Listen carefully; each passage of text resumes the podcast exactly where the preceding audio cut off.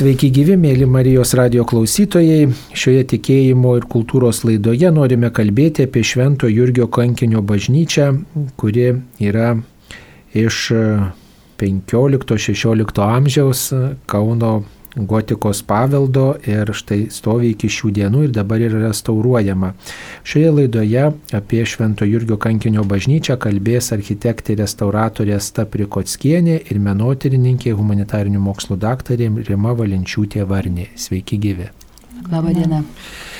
Taigi, kuo yra unikali Švento Jurgio kankinio bažnyčia, kaip mes galėtume pristatyti tiem žmonėms, kurie gal e, važiuoja pro Kauną arba yra kauniečiai ir štai žino apie šią bažnyčią, galbūt praeina kartais, e, žino, kad čia yra Švento Jurgio bažnyčia, kad čia priklauso pranciškonams gal, kad yra sena bažnyčia ir tuo viso žinios baigėsi.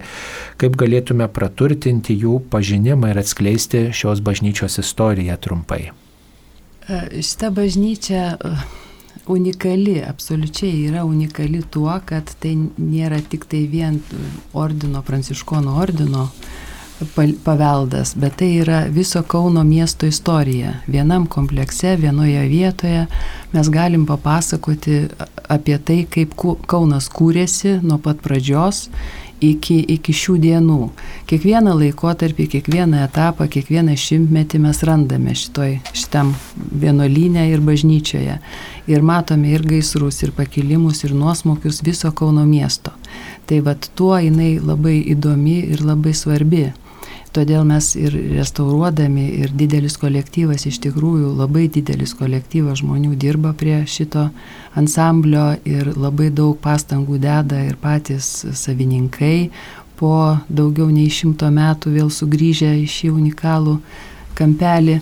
Tai e, tiesiog visas, visas kolektyvas stengiasi, kad surasti, ką tik įmanoma, ką tik tai randam, netikėtai ar netyčia ar nelauktai, bet stengiamės išsaugoti, stengiamės parodyti, restauruoti ir palikti ateinančiam kartom.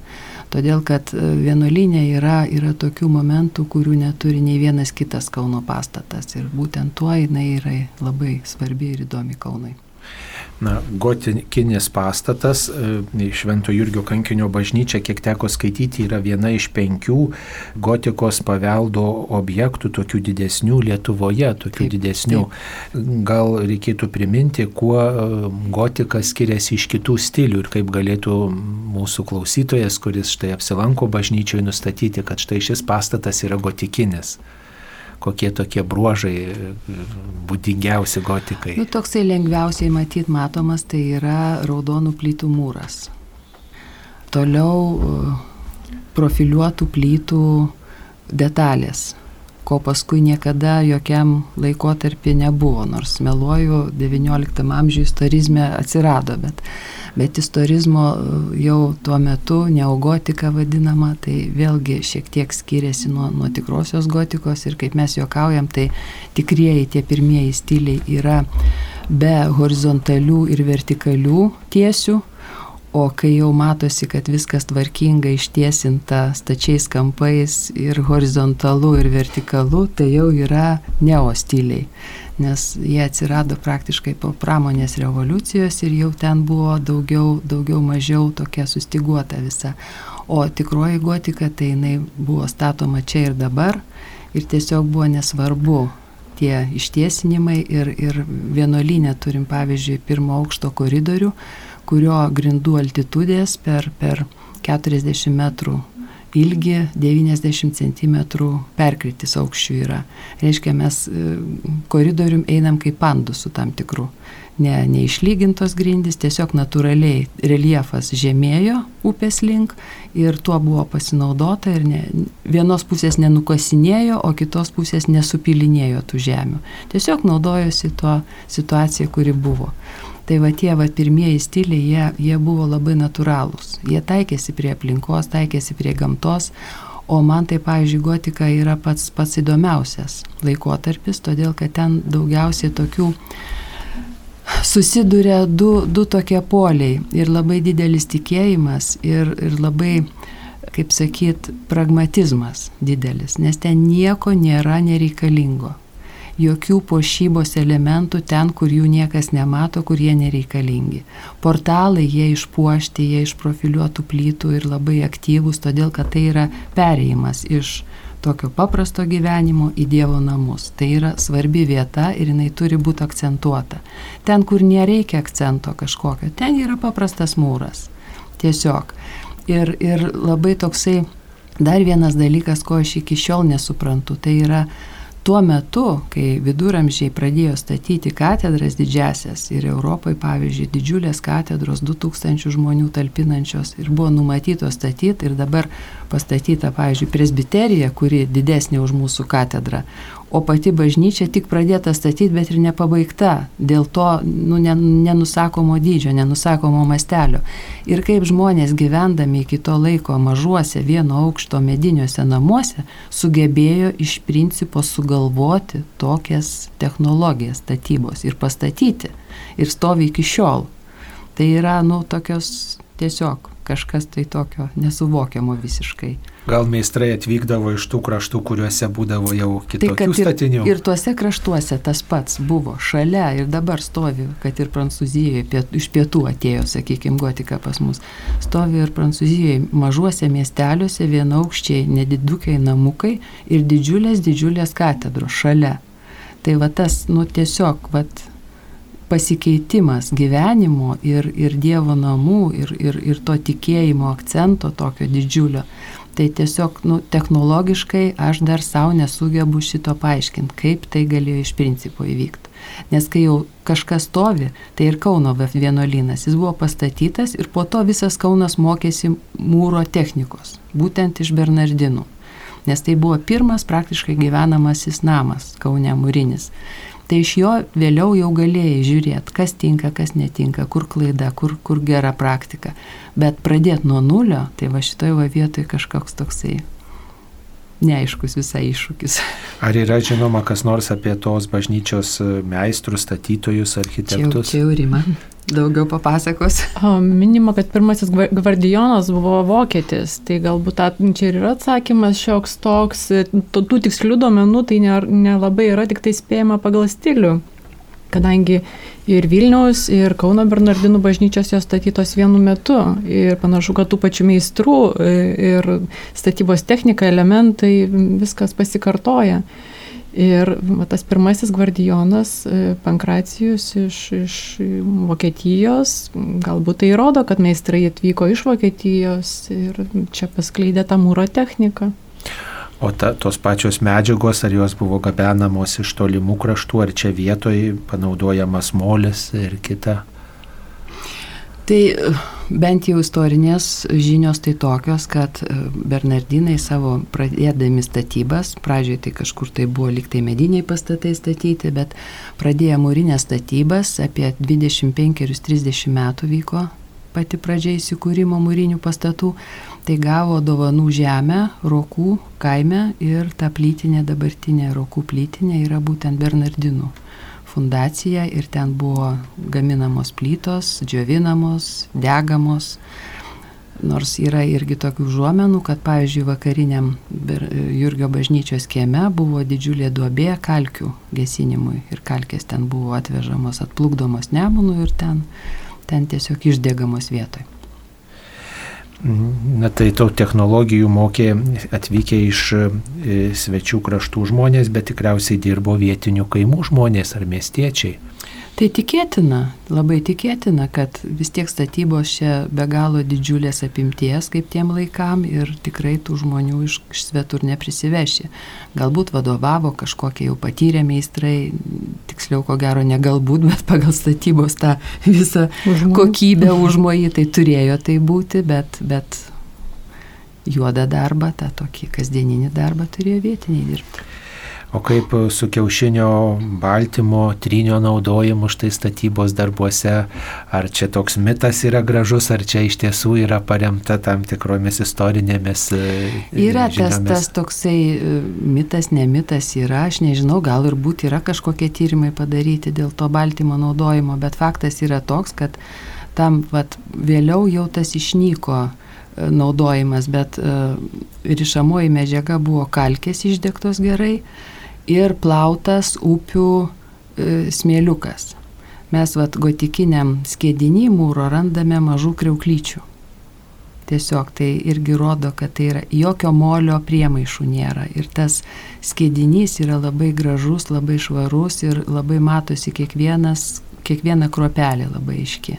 Vėliau tai labai prastėt pradėjo visi reikalai. Restauracija buvo vykdoma įvairiais, įvairiais laikotarpiais ir prisimenu tokius sovietmečio restauratorius kurie vieną bažnyčią restauravo ir kažkaip įsikalbėjom ir sako, mes netrandam, ką ten dėdavo, tai sako, eksperimentuojam. Ir sako, pradėjom pilti, na, alų truputėlį alaus įpylėm ten į kažkokį skėdinį, sako, ir žiūrė, pažiūrėjom, kad taip tikrai labai gerai veikia. Ar čia buvo juokas, kaip manot, ar čia iš tikrųjų gali tai būti? Gali būti, todėl kad, pavyzdžiui, į, į kreidinį kalkinį dažymą, kad jis neteptų, tai irgi pildavo pieno, pavyzdžiui. Tai tiesiog kazeinas, nu, kuris su, suklyjuoja, kažkiek tai sulibdo, alus gal irgi kažkokiu tokiu savybių turi. Tai tiesiog bandymų būdu, tarybiniais metais labai daug kas bandymų būdu vyko. Dabar tai mes turim jau ir, ir pripažintų firmų, ir, ir vokiečių firmos, kurios restauracijos rytį daug metų dirba ir, ir apie 70 ir daugiau metų ir jie tiesiog atradinėja naujus produktus naujas technologijas, naujas medžiagas ir jie jas bando, tyrinėja, tiesiog mokslų pagristi dalykai. Tai dabar jau ir į Lietuvą ateina ir čia mums kaip ir nenaujiena jokia, bet tarybiniais metais tai tikrai buvo labai daug tokių bandymų. E, galima sakyti, šitai bažnyčiai iš visų Kauno bažnyčių turbūt mažiausiai pasisekė, nes e, ji turbūt ilgiausiai buvo uždaryta ir mm, turbūt labiausiai buvo nuniokota. E, daug metų buvo ir sandėlis, ir vaistų sandėlis, ir miltų, ir popieriaus, ir sandėlis, ir mm, siautė įvairiausi ir blogos valios žmonės, ir vagišiai, ir niokotojai. Bet turbūt e, daugelis dalykų, paveldo dalykų kažkaip stebuklingų būdų išliko, kaip taip atsitiko, kad ne viskas dar buvo nuniokota pradžia niokojimo tai buvo ir, ir tie gaisrai didieji, kur bažnyčios išskliauta ir stogas sudegė porą kartų ir tą labai matom dabar, bet išlikusiuose elementuose. XIX amžiaus pradžioj po Napoleono karo buvo labai stipriai nuniokota, nes esam radę archeologinių tyrimų metu, kad presbiterija buvo juodo nu, tokio juodo akmens plytelėm išdėta, ten porą plokščių radom tiesiog išdėliotų bet, bet visa tai jau buvo, jau XIX amžiaus pradžioje jinai buvo pradėta niokoti po karo, per karą ir, ir, ir, ir vėliau sunkiai atsistatinėjo. O apie menus tai Rima daugiau papasakos, jinai labai daug informacijos turi. Taip, čia, bet su tais praradimais labiausiai gal ir siejasi interjeras, vidaus įranga. Uh, Nes jeigu e, iš išorės mes matome tokią gražią lietuvišką gotiką, tai interjeras visas yra sukurtas būtent po vieno, po trečiojo paskutinio iš gaisrų 1668 e, metų. Ir vis tik įstabu, kad nepaisant visų tų nekojimų, šioje bažnyčioje yra išlikę seniausi altoriai Kaune ir taip pat didžiausias brandžio baroko altorių ansamblis Lietuvoje. Tai jis sudaro šeši mediniai altoriai ir, e, ir sakykla, sukurti 17 amžiaus pabaigoje, 18 amžiaus pradžioje.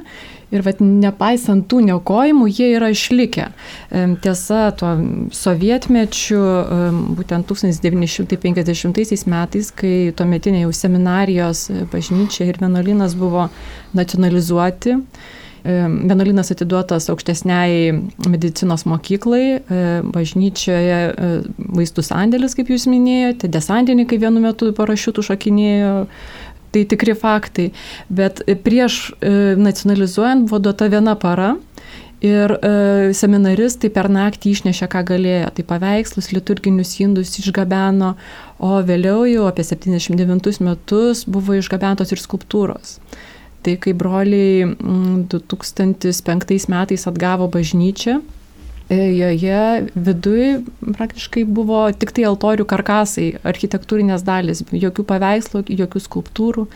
ir pavieniai interjero elementai. Ir vat nuo to laiko jie po truputį, po truputį nuosekliai restauruoja po vieną altorių, po vieną objektą, bet tiesiog tam, kad visą tą visumą, tą įspūdį, tą turtingumą, tokį kuklų turtingumą būdingą mažesniesiems broliams, kad visą tai sugrįžtų į bažnyčią.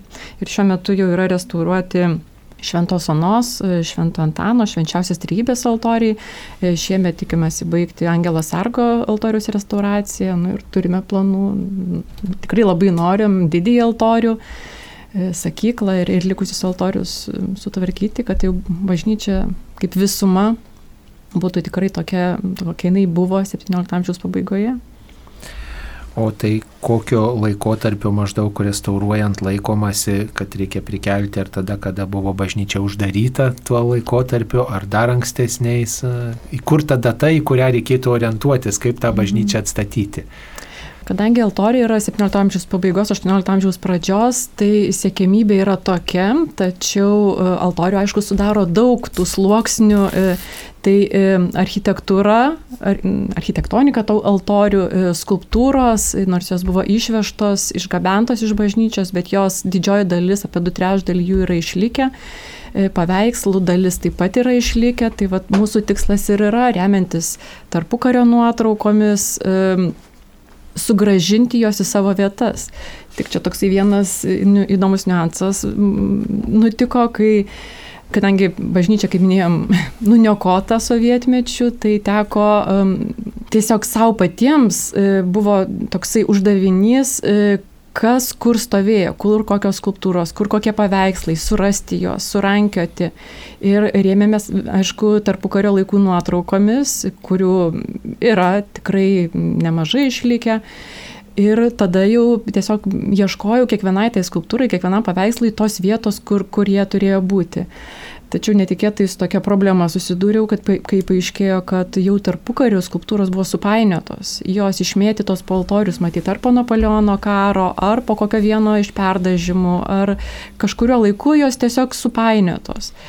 Ir tada jau teko tarsi jas visas vėl iš, atgal sudėti vieną krepšelį ir tiesiog traukiant po vieną skulptūrą atrasti tą tikrąją jų vietą. Ir e, iš tikrųjų, man atrodo, tai pavyko tą ikonografiją, tą pirminę altorių mintį, tokia kokia jinai buvo 17 amžiaus pabaigoje, ją tikimės ir restauruoti, nes jeigu nėra, neturim pačių skulptūrų, tai turime jų nuotraukas, o pagal nuotraukas restauratoriai jau gali pagaminti analogus.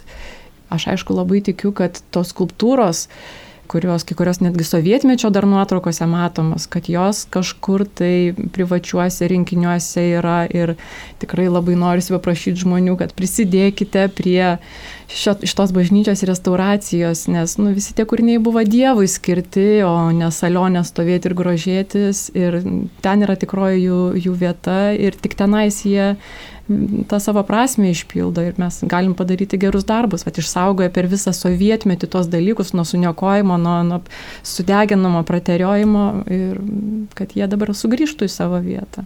Taip tikrai atliksite gerą darbą, jeigu gražinsite e, kažkokiais būdais į jūsų namus atkeliavusi bažnyčiai priklausantį daiktą, kuris Dievo garbė buvo paskirtas būtent tai šventoviai. Dar reikėtų keletą žodžių būtinai tarti apie Švento Jurgio kankinio bažnyčiaus kryžiaus kelio stotis, kurios yra vienos unikaliausių Lietuvoje ir išliko per visą sovietmetį, per visus tuos niokojimus, nepriežiūrą, bažnyčios pavertimą sandėliu, per e, visą išniekinimo laikotarpį vis dėlto išliko. Taip, turbūt Kauno Švento Jurgio bažnyčia yra turbūt vienintelė Lietuvoje, kurią galima pamatyti net keturių skirtingų laikotarpių kryžiaus kelio stotis. Aš nežinau jokios kitos bažnyčios Lietuvoje su tokia gausybė e, stočių. E, pradžia, aišku, yra tokia, kad e, mažesniųjų brolių ordinas, pranciškonai, e, nuo XIV amžiaus buvo paskirti prižiūrėti Jeruzalės kalvarijas, tai tą kančios kelią, kurį, kuriuo Jėzus ėjo nuo Poncijos piloto teismo iki palaidojimo. Ir būtent pranciškonai su dominikonais ypatingai skatino Kristaus kančios apmąstymus e, per kryžiaus kelio stotis. Jie suformavo ir, ir paskleidė šitą praktiką. Ir e, kuomet buvo e, restauruojamos Kauno Švento Jurgio bažnyčios sienos, Ant šonių piliastrų buvo rasti e, tokie tekstai lenkų kalba, bet labai išsamus, per tris eilutės surašyti tekstai, tiksliau jų fragmentai. Ir pačių paveikslų mes neradom, galbūt jie buvo tapyti ant drobės ar grafiniai, grafiniai pavyzdžiai, o gal jie dengiasi po vėlesniom stacijom, bet šiuo metu mes turime tik, sta, tik tekstus, kurie yra m, iš 17 amžiaus pabaigos, 18 amžiaus pirmojo ketvirčio ir atspindi tą ankstyvąjį kryžiaus kelio stočių plitimo laikotarpį, jam yra labai būdinga, kad tekstai yra išsamus, nes žmonės dar nebuvo susipažinę su šitą praktiką, jiems reikėjo išsamaus paaiškinimo, kas čia yra pavaizduota, todėl tes, tes, tekstai yra ilgi. Ir taip pat jų skaičius yra dar toks nenormatyvinis. Ir kadangi tos, tie tekstai yra tik tai ant piliorių, ant piliastrų, e, piliastrų bažnyčių yra ant šonuose aštuoni ir dar, dar du gale, tai tų stočių galėjo būti galbūt dešimt. Ir tai yra būdinga bet, ankstyvajam laikotarpiui. Taigi, vat, dabar bažnyčiai mes galim tos tekstus, tekstus dar pamatyti. Sunkiau, aišku, perskaityti. Ir tik tai 1731 metais popiežius Klemensas XII reglamentavo, kad turi būti, stočių turi būti 14 ir kad jos turi vaizduoti tas įprastinės dabar jau mums tradicinės scenas. Ir būtent Bernardinai e, buvo šių 14 stočių propaguotojai, todėl natūralu, aišku, kad ir Kauno Bernardinų vienuolino bažnyčioje jie susirūpino nutapyti tas jau 14 stočių, ne 8, ne 10, bet jau tą reglamentuotą 14 stočių e, ciklą. E, tam tikslui jie užmūrino gotikinių langų apatinę dalį, architektūriniai tyrimai tai labai aiškiai parodė. Ir tada jau toje užmūrytoje dalyje, komponuodami horizontales ir vertikales stotis, jau tada galėjo išdėlioti 14 stočių, nutapytų sienų ant sienų, sienų tapybą. Ir dar liko dvi vietos Šventam Petrui ir Šventam Pauliui. E, tai ilgą laiką šitos stotis buvo uždengtos, bet e, šal, iš šaltinių buvo žinoma, kad jos buvo, nes labai gražiai šaltiniuose yra paminėta, kad 1741 e, metais viena kilni ir labai pamaldi ponė Barbara Kučinska paukojo 500 auksinų šitų kryžiaus kelio stočių nutapymui. Tai vad broliai pasirūpino tą tapybą, kad jinai atsirastų ir kad žmonės susipažintų su tom kryžiaus kelio stotimis. E, tačiau, aišku, kadangi bažnyčiose e, būdavo apsišviečiama žvakėmis, tos e, stotis ilgainiui aprūko, pajuodo ir jom prireikė restauracijos, o restauruojama buvo tuo metu tiesiog pertapant, nebuvo restauracija taip pažengusi kaip dabar. Ir jau seminari, kunigų seminarijai, kai priklausė tuo laiku bažnyčia, visos šitos stacijos buvo pertapytos. E, pagal stilių sprendžiama, kad tokio dailininko iš Kauno Mato Bučinskio, kuris ir daugiau paveikslų nutapė šiai bažnyčiai, jisai tiesiog aliejinę temperą pertapė šitas stotis ir tos senosios pasislėpė po jo tapybą. E, tačiau ta jo pasirinkta technika, aliejinė tempera, jinai labai traukia purvą, labai patamsėjo, nuo, drėgmės pradėjo luptis, todėl praktiškai tik 20 metų tos situacijos buvo ir te, teko su jomis vėl kažką tai daryti. Ir XIX amžiaus pabaigoje m, Kauno katedroje dirbo labai žinomas dailininkas Mykolas m, Elvyras Andriolis labai talentingas e, tapytojas, jisai atnaujino Kauno katedros paveikslus ir tuo pačiu jam buvo užsakyta nutapyti naujas 14 kryžiaus kelio stočių. Jisai dar pasitelkė į pagalbą kitą tapytoją, Vincentą Lukoševičių. Ir štai jie du ištapė naujas stacijas, šį kartą ant drobės ir jos tiesiog buvo įstatytos į tas nišas. Ir ilgą laiką taip pat ir buvo iki, iki bažnyčios uždarimo. Na, paskui jos ten keliavo, sovietmečių buvo išimtos, saugomas Kauno arkikatedrai, paskui seminarijai ir taip toliau. Bet e, kadangi dabar e, kryžiaus kelio stotis, tos barokinės 18 amžiaus vidurio yra restauruotos, dar procese, bet jau atidengtos, iš tikrųjų labai puikiai išlikusi tapyba, labai, labai gera ir, ir būklėjų, ir, ir patys piešiniai. Tai tos e, Andriolio tapytos stacijos stovi koridoriuje, vienuolyno pirmą aukšto galerijoje. Tai visas tas keturias E, keturių laikotarpių kryžiaus kelio stotis galime šiandien pamatyti Jurgio bažnyčioje. Na dar vienas e, toks išskirtinis šios bažnyčios ženklas tai yra švenčiausios mergelės Marijos paveikslas, kuris buvo laikytas dingusiu ir atrastas atgimimo laikais, kabojo Kauno arkikatedroje bazilikoje ir perduotas pranciškonų bažnyčiai. Gal galime ir keletą žodžių tarti apie šį Marijos paveikslą, kuris tokį ir skirtinį titulą turi. Taip, to stebuklingi paveikslai kuria stebuklus apie save ir per visą savo gyvavimo laiką. Šiuo paveikslu susidomėjo pirmiausiai iš šaltinių e, profesorė daktarė Laima Šinkūnaitė. Jis tyrinėdama Jurgio bažnyčią, jinai išskaitė, kad nuo 17 amžiaus pradžios e, Jurgio bažnyčioje buvo paveikslas Čenstakavos Dievo motinos kopija, garsėjantis malonėmis, jisai iš pradžių kabėjo atskiroje koplyčioje, vėliau įkeltas į didįjį altorių ir e, dar matomas tarpukario laikų nuotraukoje ir vėliau jisai dingo. Todėl, kadangi jinai tyrinėjo šitą bažnyčią, ieškojo tų kūrinių per sovietmečių išblaškytų, e, paklausė kanauninko Elgimato Kajatsko iš seminarijos, ar nėra, ar jis nėra matęs kokio seno paveikslo ir jis jai parodė kūrinį, kurį buvo radęs Kauno Švento Antano bažnyčioje numesta Rusija. Tiesiog va taip tie kūriniai sovietmečių keliavo. E, tiesiog jie pats ieškodamas e, trejybės bažnyčiai kūrinių, kad galėtų seminariją e, vėl sugražinti, irgi nukentėjo labai sovietmečių, atrado tą paveikslą ir truputėlį jį patvarkęs, bet kadangi patvarkė, pakabino e, seminarijoje, nes pamatė, kad paveikslas tikrai yra labai vertingas, todėl pats nesėmė restauracijos, e, paliko tiesiog ateičiai. Ir e, Laima Šinkūnaitė, kai pamatė išvydo tą paveikslą, iš karto suprato, kad tai turi būti tas pats, e, nes ikonografinis tipas atitinka, tai yra čianstakava ir tų sluoksnių jame yra labai daug. Ir, mm, stebuklas, galima sakyti, padėjo galutinai įsitikinti, tiesiog um, žiemos atostogų metu sprogo radiatorius ir vien, kurį laiką vanduo iš radiatorių švirkštė iš tą paveikslą ir pasimatė tiesiog mm, pabalo viršutiniai dažų sluoksniai ir pasimatė, kas yra po apačia. Paveikslas pats save parodė, kad tai yra jisai.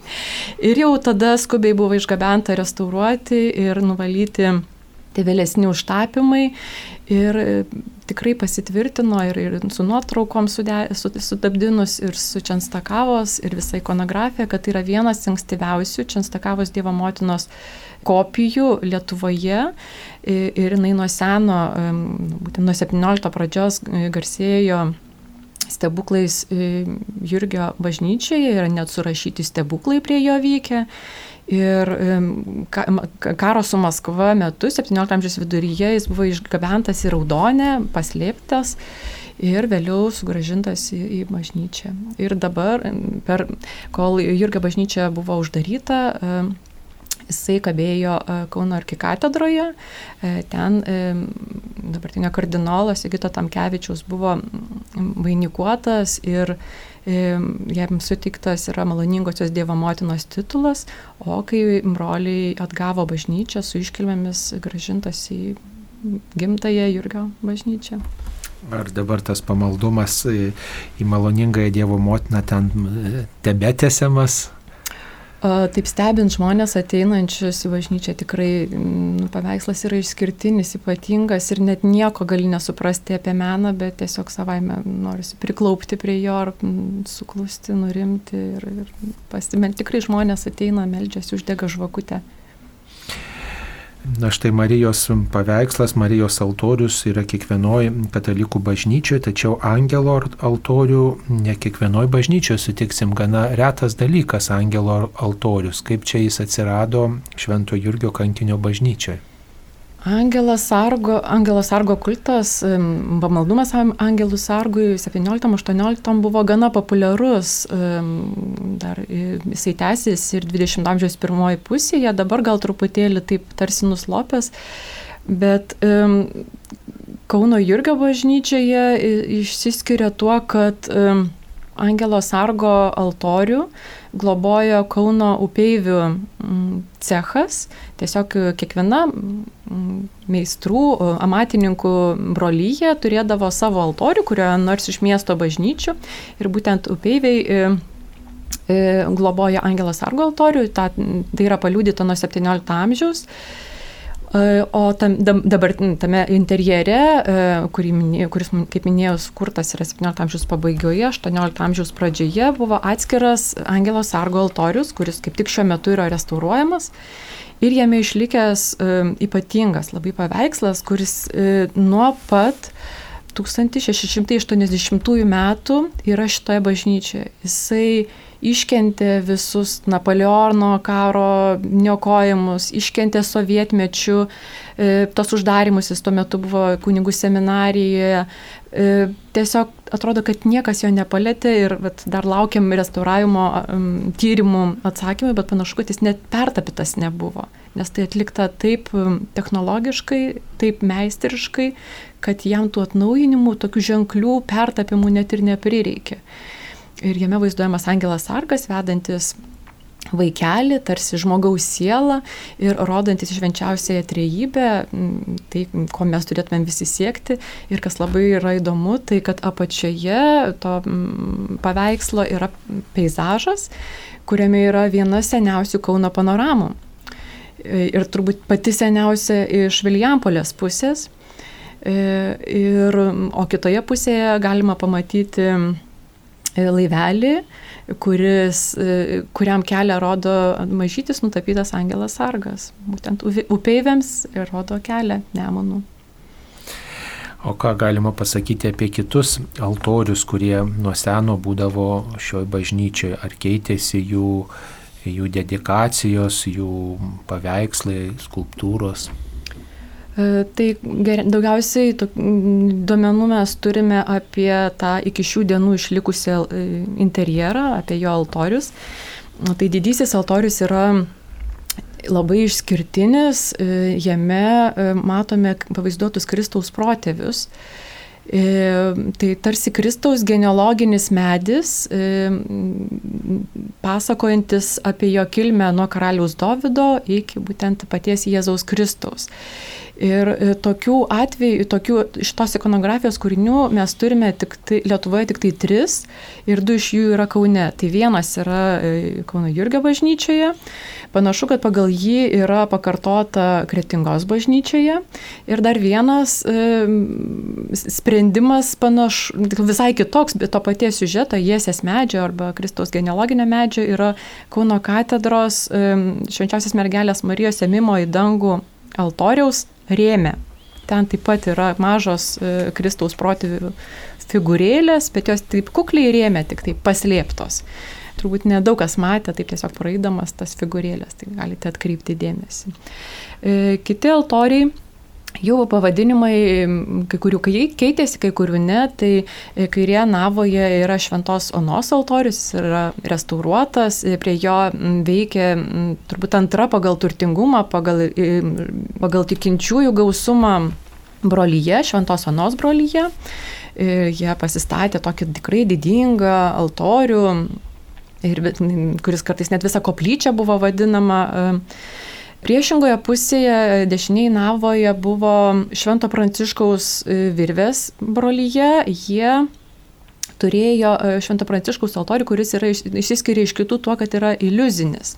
Tai yra tapytas ant sienos ir jisai taip pat yra restauruotas pastaruoju metu ir e, radome du sluoksnius, e, vienas 18 amžiaus pirmosios pusės, kitas 19 amžiaus pradžios po Napoleono karo ir juos abu stengiamės parodyti, abu tuos etapus to altoriaus atnaujinimo. Jame kabėjo Švento Pranciškaus paveikslas, kuris ir iki šių dienų yra išlikęs. Kiti altoriai. Buvo švenčiausias trejybės, kuris taip pat restauruotas, e, priešingoje pusėje Šventos Barboros, vėliau tapo Švento Pranciškaus, e, taip pat Švento Antano, tai žinom vieną žymiausių pranciškonų mm, šventųjų. Ir mano minėtas Angelo Sargo.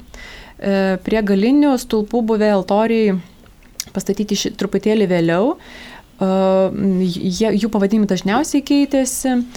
Ir dar altoriai buvo kamp, tarp presbiterijos ir šonių navų kampe.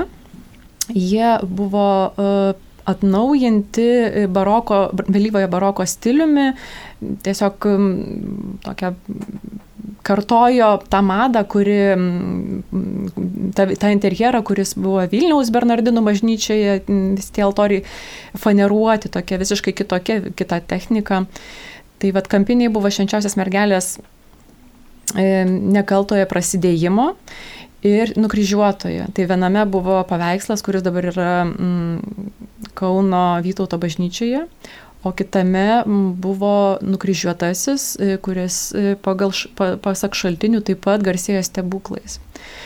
Tai va šitą skulptūrą ilgai aš jos ieškoju, gal 20 metų, bet pavyko visiškai netikėtai ją rasti Kirkštienų bažnyčioje, kabančią laukia po stageliu.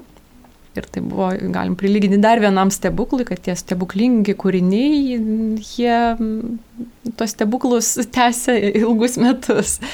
E, dabar jinai, broliai susigražino šitą skulptūrą, prasidėjo restauracija ir tikėsime, kad kada nors susigrįš į altorių. E, tiesą sakant, dar yra ir kita skulptūra, greičiausiai kurios stebuklingumo kultas būtent atiteko vėlesniai skulptūrai, nes ta iš krikštienų e, bažnyčios jinai yra 18 amžiaus viduryje sukurta. E, tačiau dar 16 amžiaus pabaigoje buvo nukryžiuotasis, jo stebuklai taip pat šaltiniais yra paliudyti. Ir beje, ją taip pat pavyko rasti lab, ganėtinai netikėtai Čiulionio dailės muziejuje. Ir tiesiog užklausius muziejininkų, ar, ar, turi, ar pateko kažkokie kūriniai iš Jurgio bažnyčios, sako, ne, nepateko, bet tiesiog ieškant fonduose, atkreipiau dėmesį, dėmesį į tą skulptūrą ir paskui pasitikrinus jau inventorinėse knygose, ko aiškiausiai buvo parašyta, kad skulptūra yra iš Kauno Bernardinų bažnyčios. Tai O kas žinoma apie centrinį e, šios bažnyčios altoriaus paveikslą, juk jeigu e, bažnyčia dedikuota šventam Jurgiui kankiniui, tai tikriausiai ir centrinėme altoriuje turėjo būti švento Jurgio kankinio paveikslas. Taip, Švento Jurgio kankinio paveikslas minimas nuo pat 18 amžiaus pradžios, kad jisai buvo didžiajame altorijoje. Vėliau pakabintas jame būtent tas minėtas maloningosios Dievo motinas paveikslas. Gali būti, kad jie buvo keičiami, dengiami vienas kitu. Dažnai tai būna, kad stebuklingus paveikslus saugo kitas dengiama, dengiantis paveikslas. O tas, kuris yra išlikęs iki mūsų dienų, jisai buvo nutapytas to paties dailininko Mato Bučinskio. E, nutapytas jau XIX amžiaus antrojoje pusėje, taip pat sovietmečių iškeliavęs iš bažnyčios, saugotas Vytauto bažnyčioje ir kai broliai sugrįžo, atgavo savo bažnyčią ir sugrįžo ir paveikslas. Ar prie jo buvo patyrę žmonės kokių malonių, paprastai prie to centriniaus altoriaus paveikslo taip pat žmonės e, kažkokių malonių prašo iš Dievo ir šventųjų. Jurgio, švento Jurgio paveikslai ne, nėra minima, kad būtų e, vat, maloningosios motinos e, paveikslas ir nukryžiuotojo skulptūra. Buvo tokie du pagrindiniai kulto šaltiniai šitoje bažnyčioje. Nuo pat 16 amžiaus pabaigos, 17 amžiaus pradžios. Dar vienas toksai e, dalykas gotikinėse bažnyčiose tai lubos, tie kryžminiai žvaigž, žvaigždėtieji skliautai, kurie na, visada krenta į akis, kaip užverti į galvą ir žvelgiai į lubas ir jie primena tikrai dangų, primena e, amžinybę, dar kažką turbūt kaip e, šie o tokios detalės išlikę šitoje bažnyčioje? Šitoje bažnyčioje dėja nebeturim išlikusių gotikinių skliautų, tai yra po, po gaisrų atstatyti skliautai, stogas, Makovskio graviūroje yra išlikęs piešinys šios bažnyčios vakarų fasade, didžiulis laiptuotas frontonas, taip pat ne mažesnis frontonas ant pietinio vienuolyno korpuso gale į vakarus, todėl kad visi praktiškai svečiai ir, ir į Kauną atplaukiantis pirkliai atplaukdavo Nemunų iš vakarų pusės ir tai buvo pirmas ansamblis, pirmas statinys, kuris labai iš toli matėsi ir kuris pasitikdavo atplaukiančius svečius.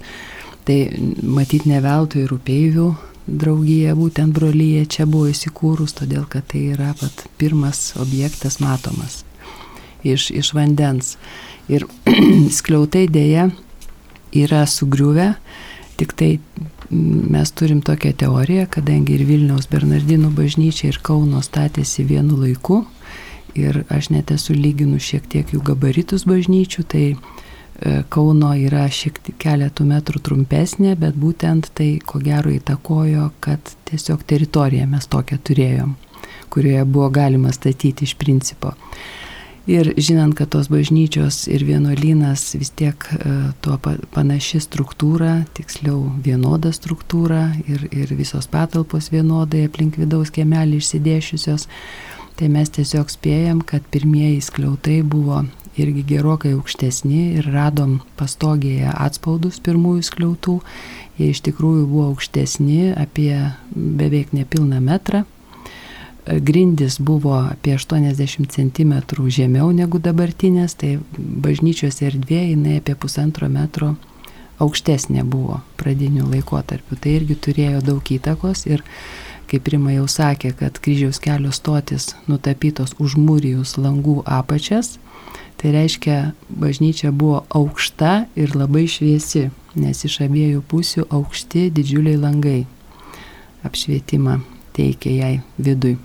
Tai radom tiesiog vat, tuos pėtsakus, tai, tai pagal tai ir, ir pagal tai, kad dabar ir dabar matosi bažnyčios erdvėje, kampuose ypatingai, kad tie skliautai uždengia kažkokius prieš tai buvusius elementus. Tai tiesiog vat, tų skliautų dėja gotikinių nebeturime. Bet turėjo būti panašiai kaip Vilniaus Bet Bernardinų bažnyčia. Turėjo būti ana, analogiškai, identiškai kaip Vilniaus Bernardinų bažnyčia.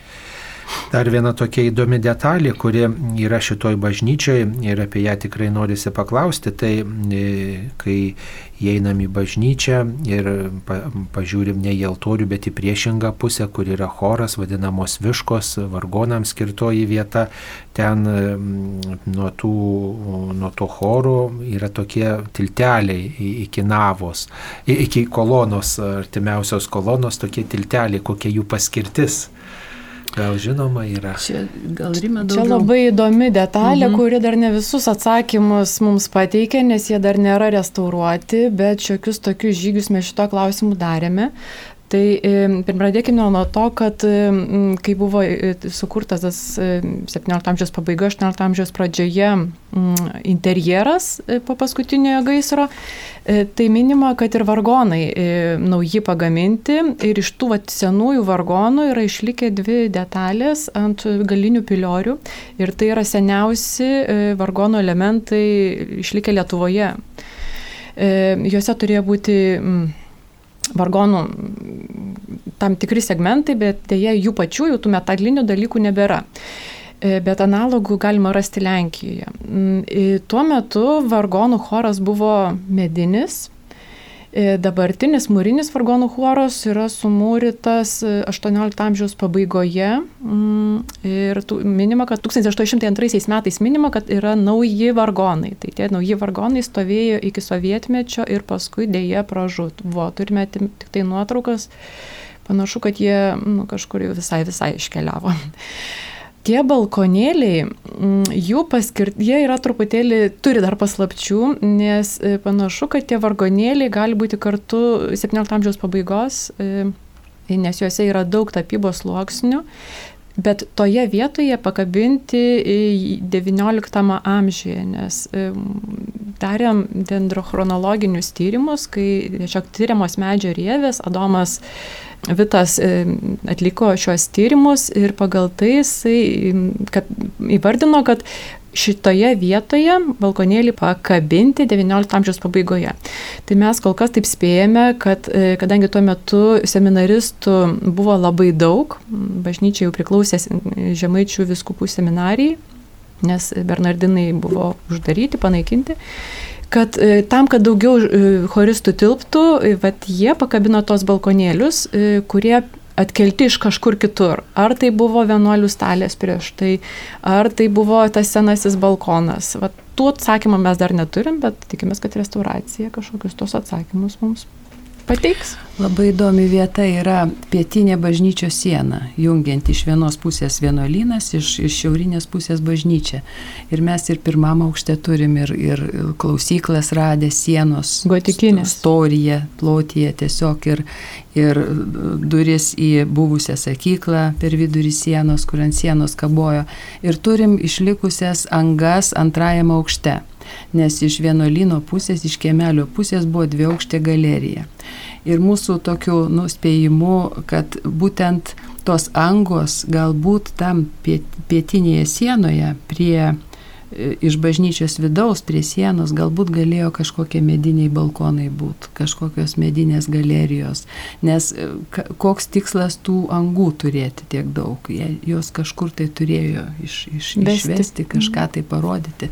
Tai galbūt tiesiog e, tradiciškai kažkur tai buvo kitoj vietoj tie balkonėliai ir buvo gaila tiesiog juos prarasti ir čia buvo perkelti, kai seminarijos bažnyčia patapo nes kol buvo vienuolyno bažnyčia, jo greičiausiai buvo naudojami ir kol buvo vienuolynas, tai buvo ir ta galerija dvi aukštė. Bet seminarija, kai čia buvo atkelta, trūko patalpų ir buvo tiesiog nuardyta ta galerija dvi aukštė ir pastatyta seminarijos koplyčia toj vietoj. Ir didžioji aula.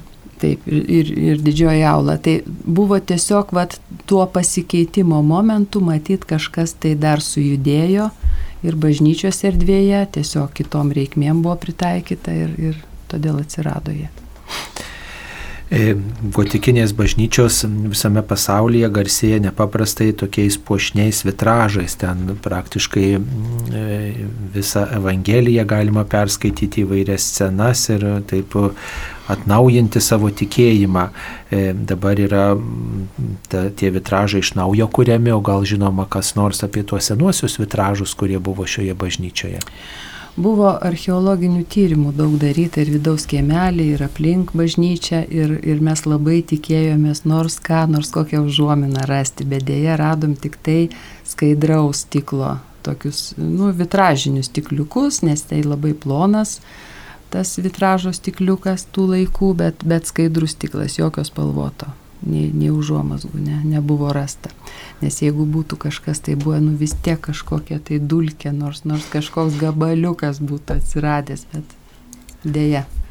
Taigi, mėly Marijos radio klausytojai, šioje laidoje kalbėjomės apie Švento Jurgio kankinio bažnyčią, apie tuos atradimus, kuriuos atliko restauratoriai, menotyrininkai ir tikėkime, kad dar daug atradimų laukia mūsų kartos, o galbūt ir po mūsų kažkas atras daug nuostabių dalykų ir svarbiausiai puoselės, kad e, šitie pastatai tarnautų didesniai Dievo garbė ir kad padėtų žmonėms kelti širdis į Dievą šioje laidoje apie Švento Jurgio kankinio bažnyčią jums pasakojo Vasta Prikotskienė, architektė restauratorė, taip pat Rima Valinčiūtė Varnė, kuri yra menotyrininkė ir humanitarinių mokslų daktarė. Jas kalbino aš kunigas Saulis Božauskas. Būkite palaiminti, kelkime širdį į viešpatį ir bažnyčios Dievo namai tam te pasitarnauja. Ačiū sudė. Sudė. sudė.